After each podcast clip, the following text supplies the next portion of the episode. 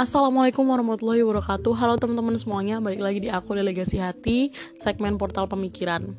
Oke, hari ini tanggal 28 Maret 2020 Hari di mana kita semua orang sedunia Sedang dalam fase menerima sebuah tantangan Yaitu pandemi COVID-19 atau coronavirus. Tanggal 28 ini berarti terhitung sekitar ini tolong koreksi apabila saya salah sekitar 27 hari sejak ditemukannya kasus pertama kasus penyakit COVID-19 pertama kali di Indonesia yaitu pada tanggal 2 Maret 2020. Oke, sebelumnya um, kenapa sih kita sekar kita aku sendiri sekarang mengambil topik ini karena sebosan apa pun kita terhadap pemberitaan COVID tapi aku rasa ada yang perlu kita luruskan sama-sama lewat podcast kali ini. Oke, okay, next. Tanggal 28 Maret 2020 ini kita mendapatkan angka yaitu orang-orang yang positif terkena COVID-19 ini di Indonesia itu ada 1046. Sedangkan yang meninggal ada 87. Dalam perhitungan epidemiologi ada yang namanya CFR atau case fatality rate. Ya, gampangannya itu tuh adalah angka kematian kasar yang disebabkan oleh penyakit tertentu. Nah, kita lihat cara menghitungnya adalah orang yang meninggal, jumlah yang meninggal, dibagi dengan jumlah yang positif dikali 100%. Dan kita mendapatkan CFR Indonesia hari ini adalah 87 per 1046 kali 100 adalah 8,31%. Artinya, setiap 100 orang yang mengidap penyakit COVID-19 ini, terdapat 8 orang, uh, I'm sorry, dari 100 orang yang mengidap penyakit COVID-19 ini ada 8 orang yang meninggal. Setiap 100 orang ada 8 yang meninggal. Itu di Indonesia. Sedangkan kita bandingkan dengan uh, eh, CFR dunia hari ini yaitu sebesar 4,58% atau setiap 100 orang yang mengidap penyakit COVID-19 terdapat 4 orang yang meninggal. Oke, cukup memprihatinkan ya karena Indonesia berarti sama aja kayak dua kali lipatnya dari kematian dunia aku tidak akan bahas banyak-banyak kenapa sih kita akhirnya bisa setinggi itu? Kenapa sih kita bisa terkena covid? Karena jujur itu mungkin belum sampai pada ilmu uh, atau belum sampai pada apa yang udah aku pelajari. Tetapi di sini aku pengen bahas sebuah opini opini aku sendiri tentang apa sih yang terjadi ketika pandemi ini udah masuk di Indonesia. Di sini aku akan uh, sedikit memberi nama memberi judul dari podcast kali ini adalah jangan latah. Teman-teman tahu latah ya orang latah lah tahu kan kayak gimana. Eh ayam ayam apa gimana gitu kan. Ya dia mengulang suatu hal mengulang suatu hal kemudian mengikuti mengikuti kata-kata tersebut. Ketika terjadi eh misalnya kagetin kayak atau dia kaget kayak kayak gitu kan. Nah maksudnya latah di sini tapi latah yang mau aku bawa sekarang adalah kelatahan yang seharusnya nggak kita nggak nggak ada di, di di di keadaan seperti ini latahnya tuh apa sih? Coba kita lihat supermarket terdekat. Tanya di sana mbak ada Baiklin nggak? Ini aku sebut merek gak apa lah ya. Ini mbak ada Baiklin nggak? Nggak mbak udah, udah habis. Cari di apotek. Mbak ada masker nggak? Masker udah habis. Mbak alkoholnya satu liter harganya berapa? Sembilan puluh ribu. Aslinya berapa mbak? Tiga puluh ribu. Masya allah sekali ya teman-teman ya. Dan dari sini kenapa sih ini disebut dengan latah? Kenapa sih ini semua bisa terjadi ini berkaitan erat dengan hubungannya panic buying atau uh, di keadaan di mana orang-orang itu tuh kayak panik gitu. Wah aku harus beli ini semua nih kita kita kita butuh ini dan sebagainya kayak gitu. Panik karena dia uh, di berada di tengah keadaan pandemi ini. Oke teman-teman aku bakal bahas satu-satu langsung aja tentang kebutuhan-kebutuhan apa yang sebenarnya perlu untuk kita minimalisir dan kita tuh nggak perlu namanya panic buying. Kita nggak perlu namanya latah yang pertama adanya masker. Oke, okay. semua orang bakal bilang bahwa sekarang masker tuh menjadi kebutuhan yang seolah-olah lebih penting daripada beras. Semua orang tuh butuh masker dan sepertinya satu dunia ini butuh masker ya teman-teman. Tapi kita bisa lihat bahwa di luar sana ada tenaga medis yang lebih membutuhkannya. Kita lihat tenaga medis itu mereka tuh berhubungan gak cuma sama pasien coronavirus aja, tapi ada pasien TBC, ada pasien hepatitis, ada pasien macem-macem lah. Dalam satu hari mereka harus ketemu orang-orang yang dengan sebegitu banyaknya. Dalam satu hari mereka menangani berapa pasien tentang coronavirus itu. Kesterilan mereka harus terjaga. Jangan kita yang nggak ngapain yang disuruh di rumah aja loh. Keluar pakai masker iya itu benar. Tapi selama kita bisa minimalisir penggunaan masker kenapa enggak? Kenapa kita harus menimbun berkotak-kotak berkardus-kardus masker sedangkan kita bisa meminimalisir penggunaan masker itu dengan di rumah aja. Kenapa nggak masker-masker itu lebih baik diberikan kepada teman-teman tenaga medis di sana yang menjadi garda terdepan perjuangan kita saat ini? Ketika kita bisa work from home atau kuliah online mereka nggak bisa cuy mengobati online. Mereka nggak bisa. Kerja online nggak bisa. Mereka butuh masker itu teman-teman kenapa nggak kita meminimalisir penggunaan masker dengan kalian cukup di rumah aja? Keluar ketika memang benar-benar dibutuhkan misalnya belanja kebutuhan sehari-hari atau belanja kebutuhan per bulan silahkan keluar. Tapi untuk selain itu kenapa kita nggak usah kenapa kita nggak di rumah aja? Kalau dalam pembelanjaan itu dalam satu bulan kita bisa minimalisir dengan dua kali belanja aja nih atau seminggu sekali dia belanjanya Kenapa nggak gitu? Berarti dalam satu bulan kita bisa dong keluar keluar cuma empat kali. Dalam satu bulan kita bisa dong menghabiskan cuma empat lembar masker. Tapi coba bandingin sama tenaga medis yang di luar sana. Contoh nyata adalah orang tua aku, jujur. Orang tua aku sekalinya melakukan desinfeksi pakai masker, desinfeksi selesai, dilepas. Misalnya dalam satu hari nih ada tiga kali desinfeksi, otomatis tiga masker dibutuhkan. Itu baru disinfeksi doang. Belum kalau dokter-dokter yang memang menangani pasien COVID di sana. Dalam ruang isolasi, sekali ruang isolasi, satu APD lengkap. Ganti ruang isolasi, ganti APD lagi. Itu baru satu ruang isolasi. Kalau misalnya dia harus visit ke 20 pasien isolasi, 20 ruangan isolasi yang berbeda, 20 ganti APD dalam suatu hari, do dokter itu butuh 20 masker itu baru satu kali visit ya? Itu baru satu kali sama pasien. Kalau misalnya dalam satu hari dokter itu harus tiga kali visit atau tiga kali pengunjungan pasien ke ruang isolasi yang berbeda berarti 20 kali tiga dia butuh 60 masker dalam satu hari. Karena dia harus merawat orang yang sakit covid-19 ini.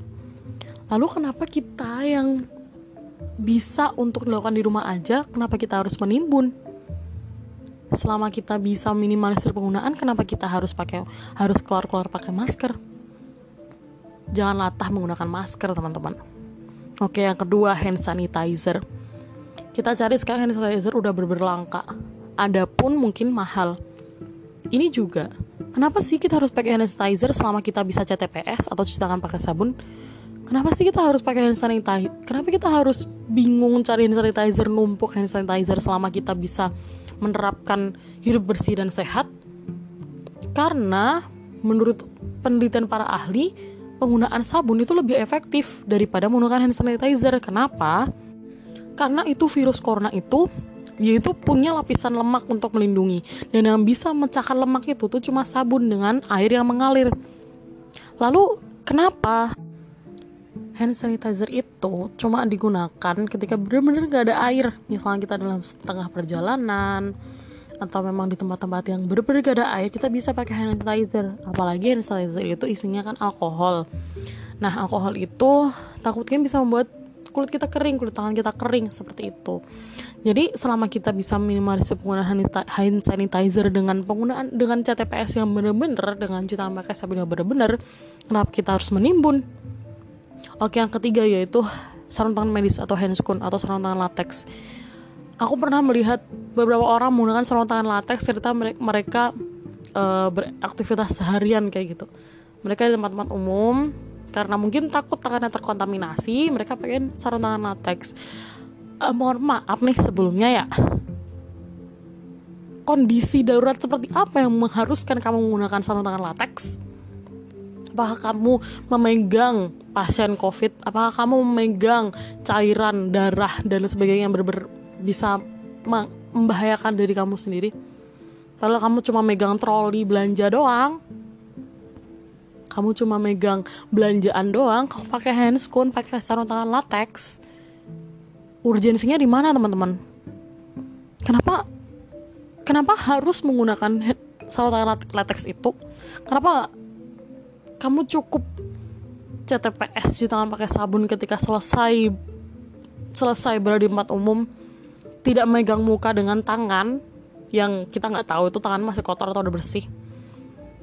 Jadi sarung tangan latex itu nggak perlu kamu pakai tuh biar dipakai aja sama tenaga medis yang di yang di rumah sakit rumah sakit sana yang bener-bener butuh tuh biar dipakai sama beliau-beliau. Mereka lebih butuh daripada kita. Yang keempat nih yang keempat makanan. Oke panic buying lagi-lagi. Orang-orang berburu makanan berburu bahan makanan untuk bisa disimpan berbulan-bulan katanya di rumah. Kenapa nggak cukup stok aja satu dua minggu ke depan atau mungkin satu bulan tanpa harus menimbun banyak makanan? Emang makanan itu nggak nggak basi apa? Kenapa nggak lebih baik kita merencanakan pembelanjaan yang berbutuh efisienkan pembelanjaan itu karena yang butuh makanan nggak cuma kamu guys. Yang butuh makanan nggak cuma satu orang karena semua orang di negara ini butuh makanan. Termasuk tenaga medis tenaga medis termasuk orang-orang jalanan termasuk siapa pun yang hidup pasti butuh makanan. Lalu kenapa kita harus menimbun? Fungsinya untuk apa? Kalau nanti menimbun ternyata setelah itu nggak nggak kepake atau nggak habis apakah bakal mau bazir kan? Kenapa nggak lebih baik bener-bener petakan kamu tuh butuh apa aja kita butuh apa aja selama satu bulan mungkin dua minggu kemudian belilah barang kebutuhan sesuai kebutuhan tidak perlu menimbun-nimbun teman-teman. Selain kamu mengambil hak orang lain tuh bisa dibilang ya kan? Kasihan kalau misalnya itu mubadir. Oke. Okay? Nah, jadi apa yang harus kita lakukan teman-teman mulai dari kita sendiri. Jadi kita sebagai masyarakat, jadilah orang yang bijak berbuat. Maksudnya apa? Peduli dengan keadaan orang lain, peduli dengan orang lain yang membutuhkan bukan cuma kita, yang perlu kebutuhan itu bukan cuma kita, tapi banyak orang lain. Kita hidup gak sendiri dan itu supermarket bukan punya kamu sendiri. Jadi ya mending efisienkan, pertimbangkan dengan baik, buruk atau baik, penting apa enggak kebutuhan itu terhadap kita. Pikirkan orang lain. Sekali lagi kita harus pikirkan orang lain. Kita hidup gak sendiri Kemudian bagi kalian para pemilik usaha, bapak-bapak, ibu-ibu, mohon bijak untuk menjual. Kita kesampingkan dulu deh ke keuntungan, please kesampingan dulu keuntungan. Tapi coba buat batasan pembelian demi meratanya kebutuhan. Bu, buat pembatasan, oh beli uh, masker cukup dua kotak aja per orang, oh beli ini cukup berapa kotak per orang, oh beli uh, minyak cukup satu liter per orang atau seperti apa. Prioritaskan barang-barang itu untuk bisa merata ke orang-orang yang membutuhkan. Orang-orang lain. Kalau kita ngomongin tentang keuntungan ya silakan aja bapak jual ke satu orang aja udah selesai duitnya banyak. Tapi kita di sini hidup nggak sendiri sekali lagi. Yang butuh itu barang-barang nggak cuma satu dua orang tapi hampir seluruhnya atau bahkan seluruhnya. Dan jadilah orang yang bijak oke untuk pemerintah tegas dalam bertindak. Maksudnya apa? Berikan regulasi yang jelas kepada para penim para penimbun itu. Pemerintah juga sudah tahu kan? Kemudian terhadap pelaku juga. Oke, mungkin ada kejauhan untuk kita mengurusi pemerintah karena pemerintah di sini benar-benar lagi sibuk mengurusi COVID dan lain sebagainya. Tapi mulainya dari diri kita sendiri. Cobalah untuk menjadi orang yang bijak, orang yang banyak pertimbangan, orang yang banyak memberikan orang lain.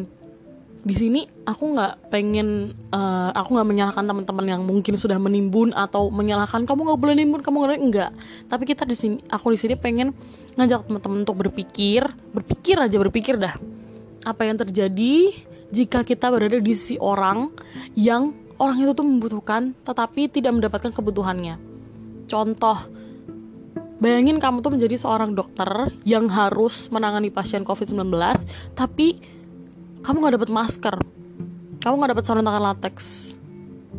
Terus gimana? Kamu mau nggak mau menghadapi itu tanpa APD dan resikonya adalah tertular atau infeksi dan resiko terburuknya adalah meninggal. Dan kalau kayak gitu karena sebabnya tadi ketidakadaan APD kemudian ternyata ketiadaan APD itu tadi karena ditimbun oleh orang-orang maka siapa yang bakal disalahkan kita kan orang yang menimbun kan oleh karena itu, marilah kita sama-sama berpikir bahwa dunia ini kita nggak sendiri. Dan COVID-19 ini adalah tantangan bagi seluruh orang dunia dan seluruh orang yang hidup saat ini. Pandemi ini gak bakal bisa berakhir tanpa adanya campur tangan dari salah dari kita, mulai dari kita aja. Caranya gimana? Caranya gimana? Cukup di rumah aja udah. Itu adalah salah satu cara untuk kita menghentikan pandemi COVID ini sama-sama. Pandemi COVID ini bukan cuma urusan tenaga medis, bukan cuma urusan orang kesehatan, tapi urusan kita sebagai manusia. Bukan sebagai warga negara, bukan sebagai profesi apa pun, tapi sebagai manusia, manusia yang tidak bisa hidup sendiri. Maka dari itu, mari kita sama-sama berjuang menyambut tantangan ini, menyelesaikan tantangan ini bersama-sama. Demi kemanusiaan. Benar-benar teman-teman, ini adalah suatu hal yang sangat-sangat krusial untuk kita. Maka dari itu semoga nanti harapannya dengan kita sama-sama berjuang, dengan kita sama-sama membantu orang-orang di luar sana, membantu semuanya untuk bisa menyelesaikan pandemi ini. Harapannya nanti di Ramadan kita bisa ketemu, kita bisa terawih bareng-bareng tanpa adanya physical distancing, kita bisa bukber bareng-bareng tanpa adanya larangan untuk berkumpul dan kita bisa Idul Fitri kita bisa mudik tanpa adanya larangan atau tanpa adanya lockdown. Amin ya robbal alamin. Sekian, semoga ini bisa membuka pikiran kita sama-sama. Di sini intinya portal pemikiran ini adalah pengen mengajak teman-teman untuk berpikir dan bukan maksud dan tidak ada maksud sama sekali untuk memberikan pengertian bahwa ini salah ini benar tapi kita harus sama-sama berpikir karena kita diberi akal untuk berpikir maka kita harus menggunakan pikiran kita untuk menjadi orang untuk menjadi manusia yang seutuhnya. Terima kasih semoga bermanfaat. Wassalamualaikum warahmatullahi wabarakatuh